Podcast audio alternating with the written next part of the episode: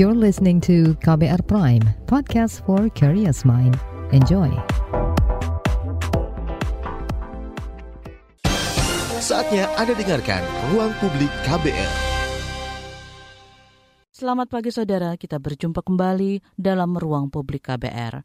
Tema pagi hari ini yang kita angkat, Disrupting Harm, ungkap kasus pelecehan seksual daring pada anak kasus eksploitasi dan pelecehan seksual pada anak masih banyak terjadi, namun tidak terlaporkan. Ekpat Indonesia bersama jaringannya belum lama ini merilis laporan mengenai situasi eksploitasi dan pelecehan seksual pada anak secara daring. Seperti apa temuan mereka? Bagaimana tantangan serta upaya pemerintah dalam mengatasi pelecehan seksual pada anak secara daring. Pagi ini di ruang publik KBR akan kita simak penjelasan Ahmad Sofyan, Koordinator Nasional Ekpat Indonesia, dan Ciput Eka Purwianti, Asisten Deputi Perlindungan Khusus Anak dari Kekerasan, Kementerian PPPA. Kita buka ruang publik pagi ini dengan mendengarkan penjelasan Ahmad Sofyan, Koordinator Nasional Ekpat Indonesia soal temuan yang ada di dalam laporan Disrupting Harm.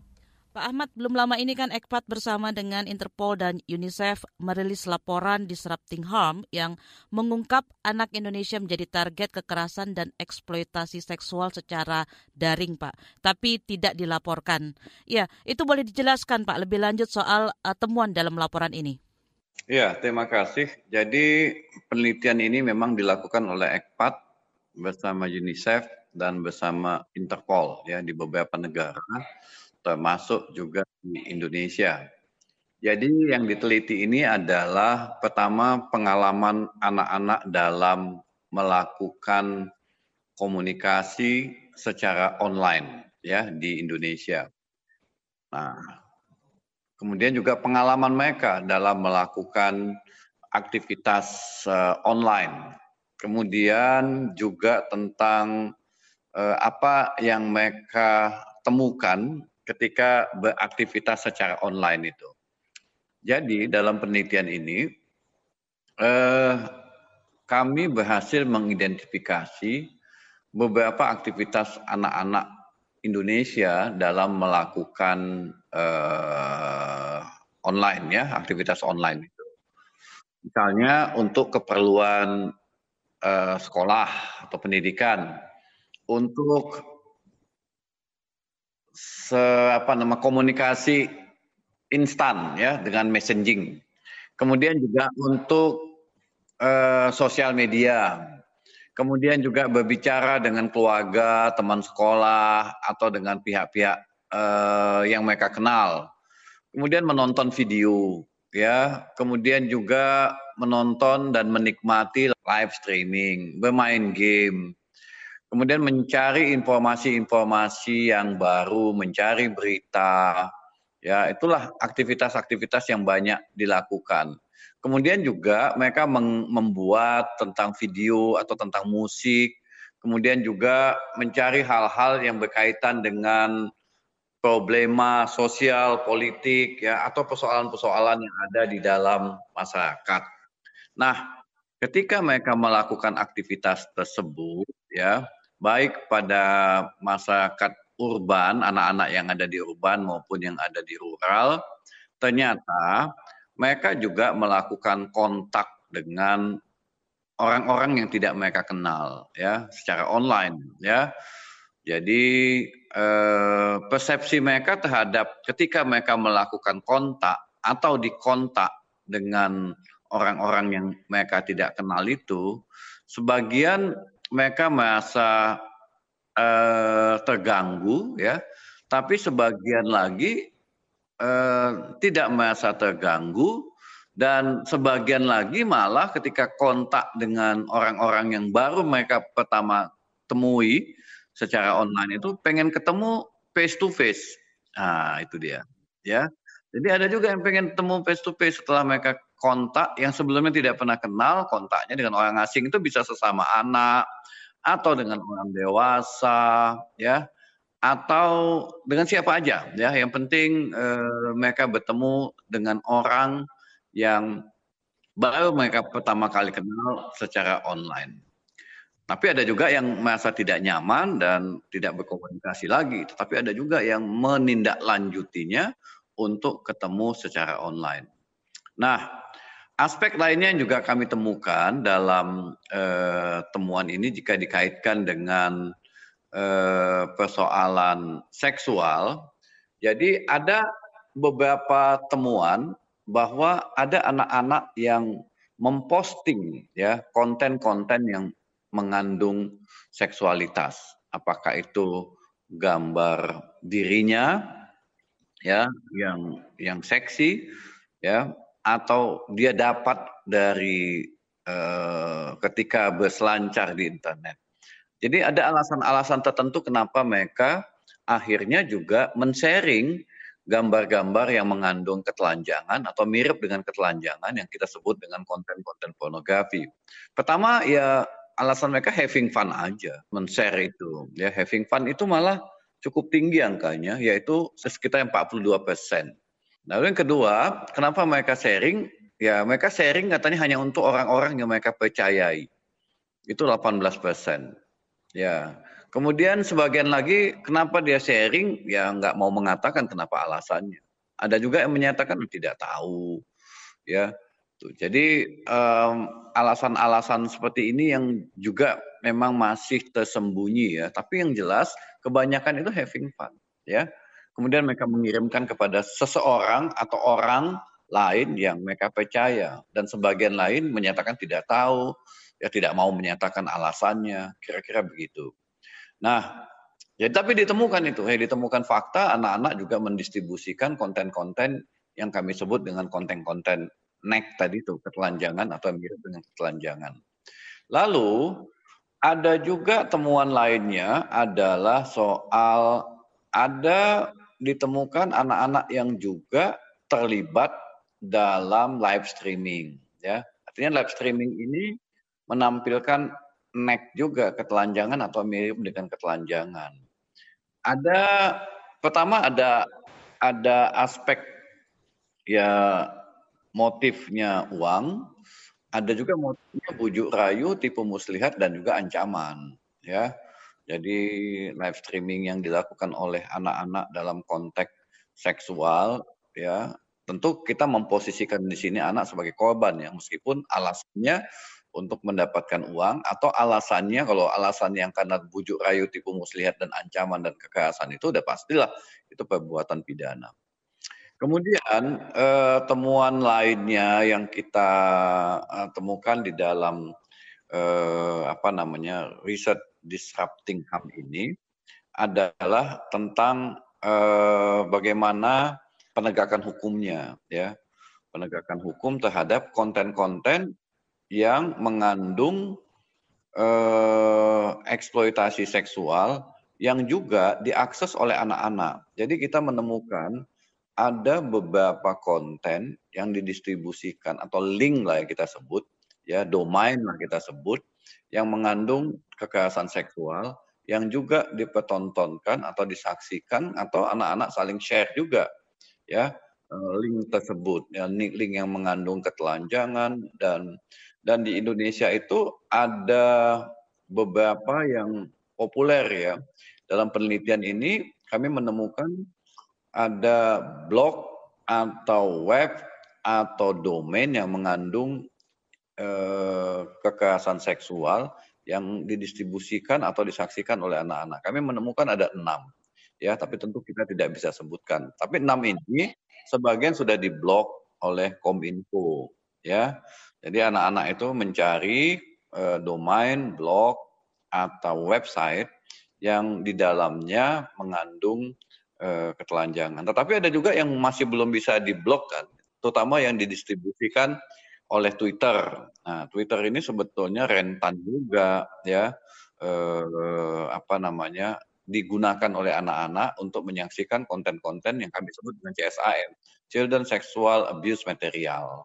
Ya, dan itu masih berlangsung ya karena Twitter masih gagal dalam eh, apa namanya melindungi domain mereka dari eh, praktek-praktek kekerasan seksual, apakah anak sebagai eh, apa namanya yang mengakses atau anak-anak sebagai korban. Kemudian berikutnya bagaimanakah pengalaman anak-anak Indonesia ketika berselancar secara online untuk tujuan seksual ya. Nah, survei ini menemukan atau penelitian ini menemukan uh, ada beberapa bentuk. Yang pertama adalah online grooming ya. Jadi anak-anak dibujuk rayu, ditipu muslihat oleh orang lain orang lain ini bisa macam-macam ya, tapi yang jelas tentu identitasnya palsu. Agar anak-anak tersebut e, bisa membangun komunikasi seksual dengan pelaku. Nah, itu ditemukan ya karena tingginya anak-anak kita yang menggunakan atau beraktivitas secara online ya. Jadi kasus-kasus grooming ini kami temukan dan masih berlangsung sampai sekarang ini. Kasus grooming ini pun juga macam-macam. Ada motifnya menawarkan uang atau menawarkan janji-janji tertentu kepada anak-anak di Indonesia. Dan pelakunya masih belum diidentifikasi ya, karena eh, eh, dengan latar belakang dan penyebaran yang sangat luas. Kemudian juga ada ke, ada pembahasan seksual yang dilakukan oleh pelaku. Jadi pembahasan seksual ini menimpa anak-anak kita ketika si pelaku berhasil melakukan grooming. Grooming ini kan bujuk rayu ya akhirnya anak-anak tersebut menyerahkan sesuatu karena dijanjikan sesuatu. Nah, ketika dia menerima sesuatu yang mengandung seksual, maka di situlah pemerasan seksual itu dilakukan oleh pelaku. Ya. Kemudian juga kita menemukan praktek apa yang disebut dengan live streaming. Jadi meskipun angkanya kecil, tetapi dalam beberapa kasus ditemukan. Jadi anak-anak dipertontonkan oleh pelaku, lalu pelaku me, me, melingkan atau me-live streamingkan dengan orang-orang lain untuk melihat atau menyaksikan uh, live streaming tadi itu. Kemudian juga beberapa anak-anak yang akhirnya ketemu tatap muka dengan pelaku. Ya, ada tatap muka. Mukanya itu ada transaksi seksual, ada hubungan seksual, ya itu terjadi. Tapi awalnya adalah online, kemudian berubah menjadi offline. Jadi mereka bertemu, dan itu juga anak-anaknya bervariasi. Tapi kita menemukan ada anak yang 14 tahun bertemu dengan pelaku, terjadilah kekerasan seksual tadi itu meskipun alasannya adalah uang atau alasannya adalah bujuk rayu tipe muslihat. Nah, eh, itu lebih kurang temuan-temuan eh, penelitian ini, penelitian disrupting HAM ini, meskipun kita juga kesulitan mendapatkan angka berapa kasus grooming yang dibawa ke ranah penegakan hukum ya, meskipun Interpol terlibat dalam penelitian ini, tapi kami juga eh, eh, apa namanya sulit sekali untuk menemukan angka-angka yang berhasil uh, ditindak terhadap pelaku seksual grooming ini. Tapi untuk uh, segi rentang usia anak yang disurvei dan latar belakang mereka itu seperti apa, Pak? Kita latar belakangnya tidak mendalami secara khusus karena kita membedakan pertama anak yang tinggal di kota ya dan tinggal di pedesaan. Itu aja. Jadi kita membaginya ke area itu tanpa mendalami tentang latar belakang sosial ekonominya, tapi kita bagi dalam dua apa lokus lah ya di kota dan di desa. Kalau rentang usianya itu yang termuda 12 tahun yang disurvei. Jadi 12 sampai 17 tahun ya.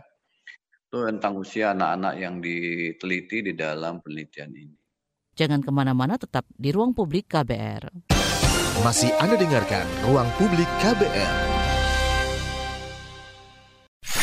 Commercial break. Commercial break.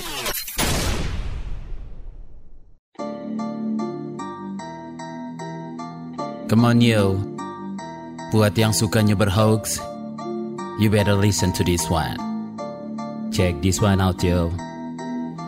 Hati-hati kalau baca kabar hoax Jangan langsung disebar kabar yang hoax. Kalau mau tahu kabar benar atau hoax, dengerin cek fakta yang pasti bukan hoax. Dengerinnya setiap Senin yang jelas bukan hoax. Cuma ada di kbrprime.id dan aplikasi podcast lainnya. Hoax. Sudah cukup cukup hoaxnya? Hoax. Cukup.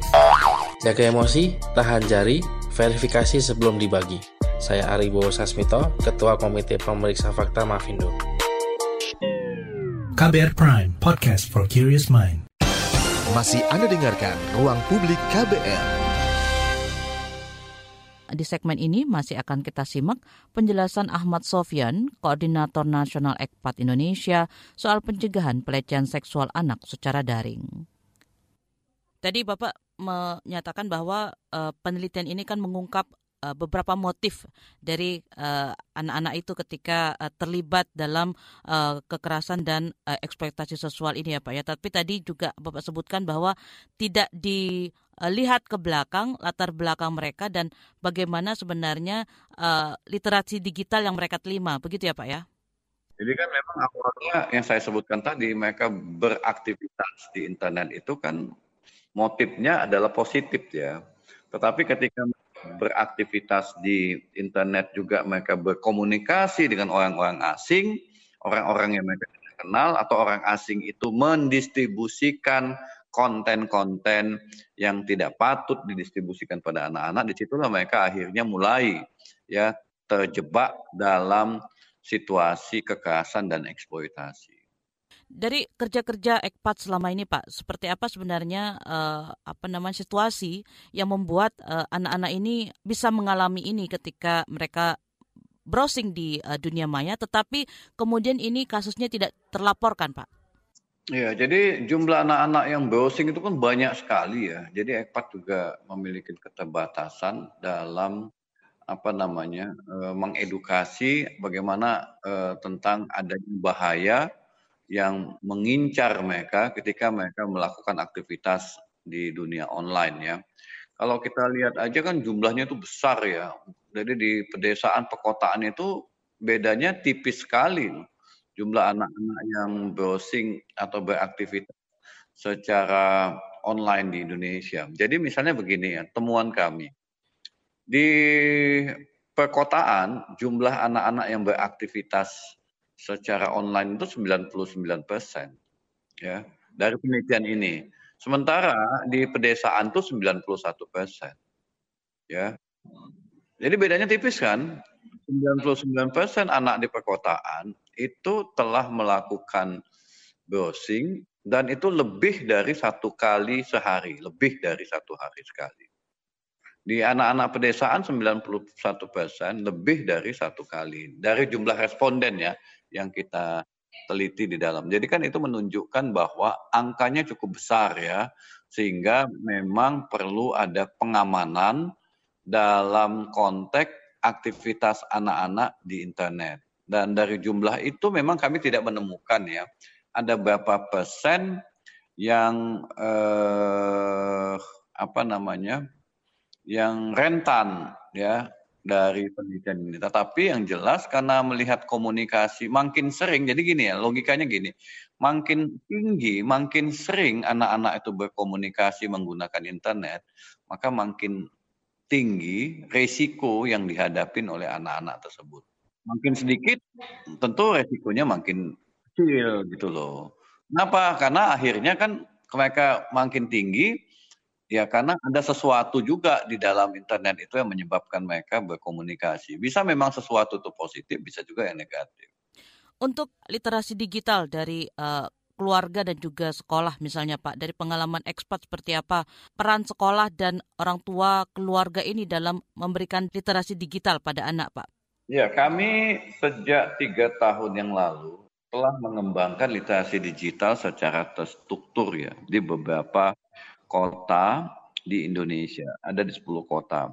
Dan itu sasarannya adalah anak, yang kedua sasarannya adalah guru, yang ketiga sasarannya adalah orang tua.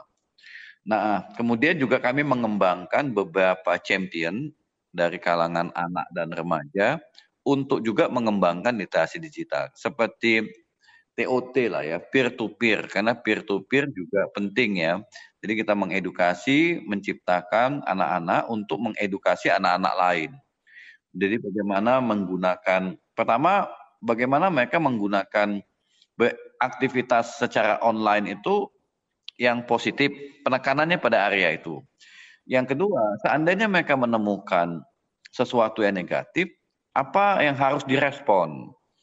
Ya, itu kita juga edukasi. Jadi apa yang harus direspon? Jadi sebetulnya anak-anak kita itu cukup cerdas ya. Jadi orang tua eh, tidak perlu terlalu risau mengawasi anak-anaknya sepanjang anak-anak ini kita dapat kita kita kita kita edukasi tentang literasi digital itu ya. Cuman kan jumlah anak yang mendapatkan literasi digital ini kan terbatas ya. Tidak semua anak ya. Kemudian orang tua juga memiliki kemampuan terbatas memberikan literasi digital. Belum tentu mereka paham juga tentang gimana melindungi anak-anak dari aktivitas di internet.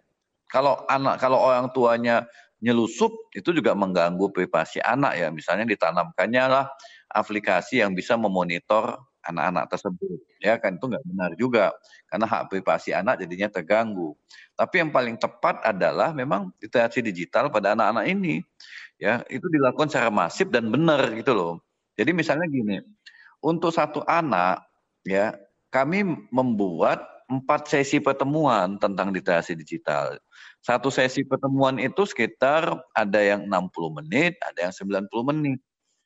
Jadi dan itu dibuat fun ya dan bergabung dengan anak-anak lagi secara online. Jadi satu kelas itu sekitar 30 sampai 40 diasuh oleh trainer-trainer dari EKPAT dan orang-orang yang sudah dapat lisensi dari EKPAT untuk memberikan literasi digital sehingga anak-anak itu senang dan menikmati dan tahu langkah-langkah uh, konkret untuk mencegah dan untuk uh, menghindari dan ketika mereka menemukan case ya seperti itu mereka tahu apa yang mereka lakukan. Nah, itu ya yang yang apa namanya yang kami kembangkan dan itu ternyata memberikan dampak yang positif. Cuman kan tadi itu eh, apakah bisa kita kembangkan secara masif di di tingkat nasional?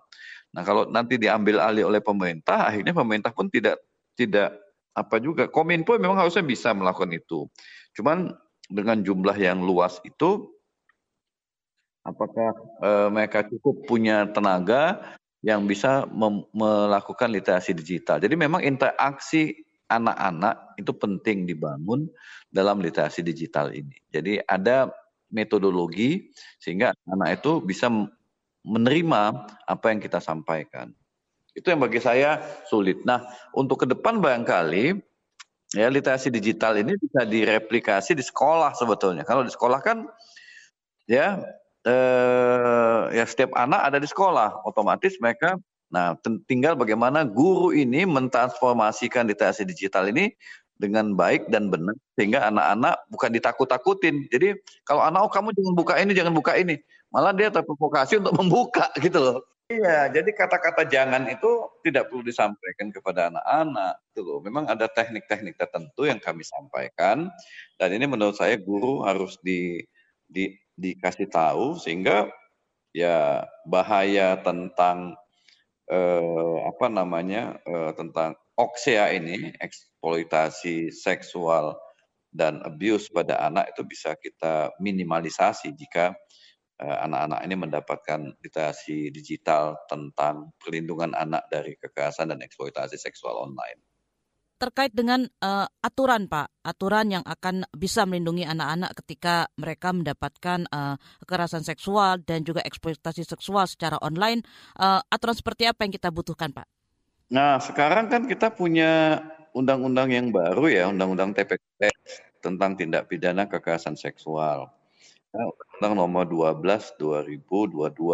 Cuman undang-undang ini perlu eh, segera diimplementasikan karena undang-undang ini menurut saya efektif juga dalam menanggulangi eksploitasi seksual pada anak secara online. Meskipun ya hanya ada beberapa pasal yang online. Kemudian undang-undang ITE pun bisa dipakai, cuman karena kasusnya terlalu banyak, agak sulit juga ya bagi penegak hukum untuk bisa melakukan langkah-langkah yang masif dalam menanggulangi ini, terutama pelaku-pelaku kejahatan seksual ya, yang mendistribusikan, mentransmisikan. Kemudian juga ada platform-platform yang memang masih masih menyediakan konten itu, konten eksploitasi seksual anak, ya, yang saya sebutkan tadi di awal. Jadi menurut saya Kominfo memang harus tegas kepada beberapa platform agar platform ini bisa memproteksi sistem mereka sehingga tidak ada lagi konten yang mengandung kekerasan seksual yang bisa didistribusikan. Misalnya WhatsApp. Ada sekelompok anak-anak yang masuk dalam grup itu. Cuman WhatsApp tidak bisa mengidentifikasi bahwa distribusi konten eksploitasi seksual itu e, bisa dihapus secara otomatis kan belum. Begitu ada yang melaporkan baru bisa. Kalau enggak, enggak. Nah ini kan teknologinya juga yang masih terbatas. Itu maksud saya. Jadi penyelenggara uh, platform apakah media sosial, video sosial, atau messaging, itu bagaimana juga bisa memperkuat teknologi mereka untuk mengenali tentang berbagai bentuk praktek kekerasan seksual secara online. Di samping memang pemerintah terus-menerus harus mengembangkan regulasi yang makin eh, apa ya makin ketat ya terhadap eh, pendistribusian konten-konten yang mengandung kekerasan seksual dan eksploitasi seksual pada anak. Termasuk juga Kementerian Sosial dalam melakukan eh, rehabilitasi bagi anak-anak yang korban eksploitasi seksual online. Jangan ke mana-mana, tetap di ruang publik KBR. Masih Anda dengarkan Ruang Publik KBR. Terima kasih untuk Anda yang masih setia mendengarkan ruang publik dari KBR hari ini dengan tema Disrupting Harm, ungkap kasus pelecehan seksual daring pada anak. Berikutnya akan kita simak penjelasan Ciput Eka Purwianti, Asisten Deputi Perlindungan Khusus Anak dari Kekerasan Kementerian PPPA, soal upaya pemerintah mengatasi kasus pelecehan seksual daring pada anak. Bu Ciput, belum lama ini EKPAT bersama Interpol dan UNICEF merilis laporan Disrupting Harm yang mengungkap anak Indonesia menjadi target uh, kekerasan dan juga eksploitasi secara online, tapi ini tidak dilaporkan. Boleh uh, dijelaskan seperti apa tanggapan Kemen PPA, Bu, terkait dengan uh, peluncuran laporan ini?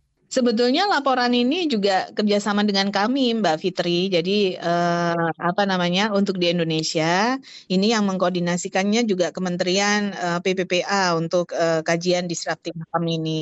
Dan eh, apa sebetulnya apa yang eh, terekspos dari hasil kajian ini, ini sebetulnya memperkuat hasil survei nasional pengalaman hidup anak dan remaja kita tahun 2021 ya bahwa dua persen dari anak Indonesia itu pernah mengalami kekerasan seksual selama hidupnya khusus anak remaja ya usia 13 sampai 17 tahun. Sedangkan dari uh, hasil disrupting harm ini yang juga melakukan survei kepada anak-anak usia 12 sampai 17 tahun di Indonesia uh, dengan jumlah responden yang lebih sedikit sebetulnya dibanding survei nasional. Uh, temuannya kan dua persen dari anak-anak pengguna internet menjadi sasaran eksploitasi dan pelecehan seksual daring. Nah, termasuk diperas untuk terlibat dalam aktivitas seksual dibagikan gambar seksual mereka tanpa izin atau dipaksa terlibat dalam aktivitas seksual uh, melalui iming-iming uang atau da atau hadiah. Nah, itu yang biasanya kita kenal dengan uh, grooming. Ya, semakin memperkuat hasil survei nasional yang sudah kita lakukan ini, Mbak Fitri. Jadi Bu Ciput angka 2% walaupun kelihatan sedikit tetapi itu sangat besar jumlahnya bila uh, dikalikan dengan jumlah anak Indonesia begitu ya Bu ya? Betul, betul. Jumlah anak Indonesia itu kan hampir 80 juta. Jadi 2% dari 80 juta ya sekitar 1 juta 600 ya. 1 juta 600 anak remaja pernah mengalami kekerasan seksual selama hidupnya. Dan e, patut dicatat survei tahun 2021 itu kan dilakukan juga masa pandemik. Nah, kami punya survei sebelum itu itu tahun 2018 sebelum pandemik. Jadi ada uh, secara prevalensi uh, kekerasan terhadap anak itu menurun kalau secara nasional Mbak Fitri. Jadi di tahun 2018 ini kekerasan secara umum ya, baik itu kekerasan fisik ataupun non fisik uh, di tahun 2018 itu prevalensinya 6 dari 10 anak remaja pernah mengalami kekerasan apa pun bentuknya selama hidupnya. Nah, di tahun 2021 prevalensinya kita bisa pilih antara laki-laki dan perempuan. Menjadi empat dari sepuluh anak perempuan dan tiga dari sepuluh anak laki-laki. Jadi penurunannya cukup signifikan dari yang tadi uh, 66 per 10. Ini tentu adalah dampak dari upaya-upaya semua pihak termasuk anak-anak sendiri melalui forum-forum anak yang ada sampai tingkat desa dan kelurahan di seluruh Indonesia untuk mengkampanyekan uh, pencegahan kekerasan terhadap anak, kemudian uh, memberikan pemahaman tentang hak-hak anak yang untuk dapat dilindungi oleh semua pihak dan bagaimana uh, memberikan kiat-kiat uh, gitu untuk menghindari kekerasan, baik itu kekerasan fisik, verbal maupun nonverbal, misalnya mulai dari perundungan di sekolah dan seterusnya. Jadi ini uh, sebuah langkah yang langkah nyata kita untuk investasi di upaya pencegahan itu membuahkan hasil, Mbak Fitri di tengah sebenarnya secara uh, digital itu uh, anak yang mengakses uh, dunia maya jauh lebih besar dibandingkan sebelumnya karena uh, belajar mengajar secara daring ini ya Bu ya padahal. Betul, betul. 90% responden anak yang waktu itu kami juga melakukan survei kepada seluruh anak melalui forum-forum anak. 90% dari responden itu menyatakan mereka ada peningkatan penggunaan uh, waktu mereka untuk akses ke internet hampir uh, 80% naiknya dari sebelum pandemi. Ya, dan itu teman-teman uh, juga adik-adik ini juga mengakui uh, sebagian dari mereka mendapatkan pengalaman tidak menyenangkan uh, di uh, media sosial ataupun uh, di uh, pada saat mereka mengakses website ya pada saat mereka mencari uh, informasi terkait tugas belajarnya. Tetapi apakah uh, selain tentunya tadi upaya yang sudah dilakukan kementeriannya Bu ya bersama jaringannya, tapi apakah juga penurunan uh, prevalensi penurunan kekerasan secara umum tadi kepada anak yang sudah Ibu Ciput uh, jelaskan itu ada faktor uh, yang tidak dilaporkan Bu? Seperti apa? Uh, nah, kalau kita melihat kemudian membandingkan ingin mengetahui yang tidak dilaporkan, nah itu terbukti sebetulnya yang melapor ini baru puncak gunung esnya saja, Mbak Fitri, dan itu terbukti dari data pelaporan Simfoni PPA kami. Uh, ini uh, kekerasan seksual itu tetap jadi kasus tertinggi. Jadi kasus terbanyak itu kekerasan seksual uh, baik perempuan maupun anak di Indonesia. Oh, enggak khusus untuk anak, kasus yang paling banyak adalah kekerasan seksual. Nah, uh, yang melapor contohnya uh, tahun lalu uh, di tahun 2021 itu ada sekitar 15.000 anak korban uh, kekerasan yang uh, melapor dari 14 ribuan kasus. Jadi satu kasus korbannya bisa lebih dari satu. Dan tahun ini Sampai uh, periode Juni ya, saya masih punyanya baru sampai Juni 2022. Kita uh, di Simfoni ini sudah mencatat uh, lebih dari 3.670 kasus dengan korbannya hampir uh, di atas 4.000. Jadi 4.019 tepatnya.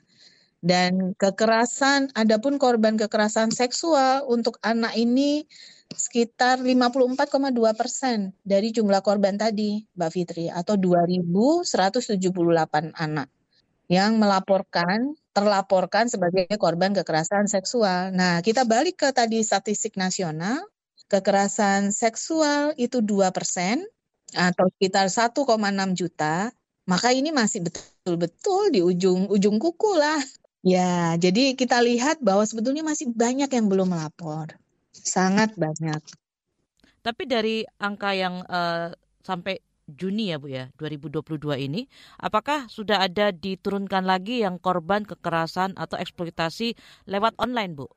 Nah, eh, di sistem pencatatan eh, simfoni kami masih belum, Mbak Fitri, karena kan eh, Undang-Undang TPKS kan juga baru ya diundangkan tahun ini, di mana di situ kekerasan seksual berbasis online baru masuk sebagai salah satu jenis kekerasan seksual. Nah, ini tentu perlu dari kami, kebetulan juga sedang memperbaiki uh, simfoni ini untuk uh, pendekatannya manajemen kasus. Jadi pada saat teman-teman uh, di daerah penyedia layanan melaporkan kasus, itu termasuk ada di tahapan layanan mana korban ini uh, pada saat dilaporkan dan itu terus diupdate sehingga kita bisa memantau apakah anak-anak uh, dan perempuan yang jadi korban kekerasan ataupun eksploitasi ini uh, mereka sudah mendapatkan seluruh layanan yang menjadi haknya secara komprehensif gitu Mbak Fitri. Uh, dari segi ketercoveran Bu dari uh, undang-undang TPKS ini apakah kemudian bisa melindungi khususnya anak-anak dari kejahatan dan eksploitasi seksual Bu? Bisa tentunya. Jadi kalau di yang diatur di undang-undang TPKS saat ini yang sudah sangat jelas itu kan bagaimana layanan untuk penanganan, pelindungan dan pemulihan bagi korban ya. Sedangkan untuk pasal mengenai pencegahan itu yang sedang akan disusun uh, perpresnya. Diberi waktu kan dua tahun. Tetapi khusus untuk kekerasan uh, online, kami saat ini sedang berproses juga Mbak Fitri. Jadi lebih dulu kami sudah merancang uh, uh, peraturan presiden tentang uh, peta jalan perlindungan anak online. Nah, ini tidak hanya kekerasan seksual yang ingin kami coba lindungi anak-anak di ranah online. Mulai dari nanti bahaya-bahaya seperti sexting, uh, kemudian cyberbullying, kemudian apa namanya uh, grooming yang tadi saya sampaikan, uh, kemudian juga kecanduan mm, pada gawai, kecanduan pada game online, dan perilaku-perilaku uh, abusif lainnya akibat uh, dampak dari berinteraksi di ranah online, termasuk mengantisipasi uh, perkembangan metaverse nih virtual reality yang di situ juga tantangannya akan sangat berat karena di virtual reality ini pada saat seorang nggak hanya anak ya orang dewasa maupun anak begitu dia mempergunakan uh, apa uh, gadget ini untuk masuk ke dalam virtual reality dia akan jadi sendirian.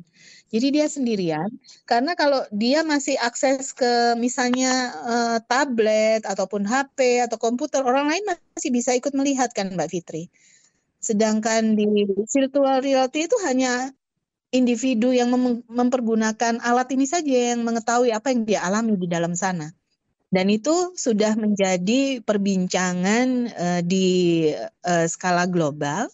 Pada bulan Juni kami ke Brussels, Belgia, itu menghadiri uh, konferensi internasional untuk apa namanya aliansi global untuk uh, melindungi anak-anak dari bahaya online.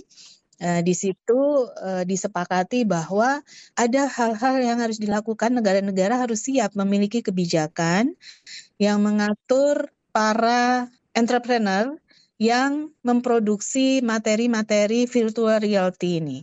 Ada kebijakan perlindungan anak yang harus diterapkan di sana. Dan itu sudah kami masukkan di uh, konsep peta jalan yang tadi saya sampaikan Mbak Fitri. Dan di uh, peta jalan perlindungan anak online ini nanti uh, tidak hanya unsur pemerintah, pemerintah daerah ataupun masyarakat yang terlibat, kita juga memasukkan bagaimana peran dunia usaha. Uh, karena sekarang kan sudah era digitalisasi, semua jenis usaha mereka mempergunakan aplikasi online atau aplikasi Android atau apa pun yang itu bisa jadi nanti akan ada interaksi dengan anak. Jadi semua platform digital, jadi semua produsen platform digital itu harus comply atau patuh dengan kebijakan pelindungan anak online yang ini juga uh, nanti akan uh, disiapkan. Jangan ke mana-mana, tetap di ruang publik KBR. Masih Anda dengarkan ruang publik KBR. Commercial break. Commercial break. Sepasang kekasih yang terpaut usia hingga 61 tahun di Subang. Ini bukan hal baru. angka pernikahan dini juga Kawin anak terus terjadi, sering kali menjadi viral, bahkan jadi bahan guyonan dalam kemasan berita yang sensasional. Seorang gadis berusia 18 tahun. Seolah ini bukan masalah. Tapi, bagaimana rasanya kawin ketika masih di usia anak? Sih perasaan saya tuh sebenarnya hancur waktu itu. Hancur. Bisa naik sekolah Ya, pengen banget sekolah. Lihat orang. Saya ajak kamu mendengar langsung suara mereka yang dikawinkan di usia anak. Ibu sama bapak tetap paksa untuk menikah saya tidak bisa memenuhi impian Bapak Ibu. Saya Malika, ini adalah Disclose, serial podcast investigasi dari KBR. Yang penting saya mau ningkain cita-cita Disclose, dipaksa kawin. Bisa disimak di KBR Prime, Spotify, dan aplikasi mendengarkan podcast lainnya. Masih Anda dengarkan Ruang Publik KBR. Kita tiba di bagian akhir ruang publik KBR hari ini. Masih akan kita simak penjelasan Ciput Eka Purwianti, Asisten Deputi Perlindungan Khusus Anak dari Kekerasan, Kementerian PPPA. Nah, sejalan dengan itu sebetulnya di di uh, global kita kan ada juga di bawah PBB itu ada lembaga namanya IT Union yang ternyata mereka juga sudah punya panduan uh, perlindungan anak online uh, yang dia sudah baru saja terjemahkan ke bahasa Indonesia. Jadi ada pedoman untuk industri, ada pedoman untuk pemerintah, ada pedoman untuk uh, masyarakat, sekolah, keluarga tentang pelindungan online anak. Nah, ini kami nanti akan berkolaborasi dengan ITU terkait hal ini. Jadi memastikan uh, draft peta jalan yang sudah disusun oleh pemerintah Indonesia ini juga uh, inline lah dengan kebijakan ITU ini. Jadi posisinya uh, peta jalan ini masih dalam bentuk draft begitu Bu? Iya, masih bentuk draft rancangan peraturan presiden. Tapi masalahnya kan juga saat ini kasus-kasus terus berjalan Bu, menunggu peta jalan ini selesai Bu. Seperti apa langkah uh, jangka pendek ini Bu? Ya, peta jalan itu kan sebetulnya juga termasuk um, mendokumen menempatkan aksi-aksi yang telah dilakukan oleh para pihak dan menambahkan hal-hal apa lagi yang masih menjadi gap atau kesenjangan yang masih diperlukan gitu Mbak Fitri. Jadi bukannya kita nggak melakukan apa pun sebelum peta jalan ini uh, take into force gitu ya. Jadi uh, semua pihak sudah melakukan. Jadi misalnya Kementerian Kominfo itu kan punya uh, program nasional literasi digital yang targetnya itu juga jutaan penduduk uh, melek digital, uh, termasuk di situ uh, sasaran penerima manfaat adalah anak-anak. Mereka punya kapasitas memahami uh, bagaimana melindungi dirinya sendiri di uh, saat berselancar di ranah digital. Kami sendiri juga bersama dengan uh, MEPA yang di bawahnya itu ada Facebook, Instagram, dan WhatsApp, juga bekerja sama untuk melatih eh, anak-anak dari uh, beberapa kota di Indonesia. Jadi sudah sekitar uh, 20 kota dari 20 provinsi yang uh, sudah dilatih mereka tentang bagaimana anak muda itu aman di internet jadi anak dan anak muda aman di internet bahkan termasuk dari mereka yang sudah mengikuti uh, seri uh, pelatihan kemudian uh, dipilih anak-anak uh, yang mau jadi fasilitator untuk teman-teman sebayanya di kota masing-masing. Nah itu sudah kami lakukan uh, sudah dua tahun ini bersama Meta dan Ekpat Indonesia dan kita punya anak-anak ya anak dan anak muda yang luar biasa kompeten ini untuk jadi uh, edukator bagi teman sebayanya. Nah, ini yang terus nanti kita akan uh, perluas, termasuk rencana yang uh, akan datang. Ini kami bersama UNICEF sudah uh, mendapatkan uh, dukungan anggaran dari donor untuk memperkuat kapasitas aparat penegak hukum, Mbak Fitri, untuk memahami tentang uh, kekerasan seksual berbasis online ini terhadap anak. Karena sering dan sampai sekarang masih banyak para aparat penegak hukum yang belum memahami konteks ini karena mereka masih uh, terkungkung di undang-undang ITE kan. Jadi sering akhirnya menjadikan anak itu sebagai pelaku kena pidana. Nah, itu yang perlu kita dampingi. Dan di mana konteks bahwa semua anak uh, di bawah usia 18 tahun mereka kan dianggap belum bisa mengambil keputusan. Jadi dalam perbuatan-perbuatan uh, pidana yang mengarah untuk Eh, ke konten pornografi ataupun konten seksual, anak kami uh, selalu mendekati aparat penegak hukum mendampingi mengingatkan bahwa anak di sini adalah korban. Jadi uh, anak dengan segala kondisi sosial lingkungannya yang lemah, yang rentan, jadi patut diberikan pertimbangan yang di luar dari perspektif orang dewasa gitu. Nah ini yang jadi fokus kami untuk mulai tahun uh, selama tiga tahun nanti uh, program ini berjalan menyusun mulai modul pelatihan untuk para aparat penegak hukum sampai nanti menyelenggarakan pelatihannya. Apabila ada anak orang tua, keluarga, masyarakat melihat ada potensi bahaya terjadinya kekerasan atau eksploitasi seksual terhadap anak di dunia maya, apa yang harus mereka lakukan, Bu? Ya, tentu yang pertama adalah memastikan uh, ngobrol dulu dengan anaknya, ya, memastikan sejauh apa anak sudah uh, terekspos terhadap konten-konten seksual di dunia maya. Karena itu penting untuk orang tua uh, mendapatkan kepercayaan dulu dari anak. Jadi berkomunikasi tanpa rasa marah, tanpa rasa mengintimidasi, tapi lebih menempatkan uh, menjadi teman anak untuk anak supaya terbuka. Nah dari situ kemudian orang tua mendampingi anak untuk melapor kepada UPTD PPA yang ada di uh, tingkat kabupaten ataupun provinsi. Ataupun kalau tidak tahu di mana UPT DPPA-nya di kota masing-masing bisa telepon ke 129 atau WhatsApp ke 08 111 129 129. Nah, nanti di sini uh, ini layanan hotline yang ada di pusat kami akan membantu melakukan assessment dan selanjutnya melihat ada kewenangannya di tingkat mana ini untuk kasus yang dihadapi oleh anak.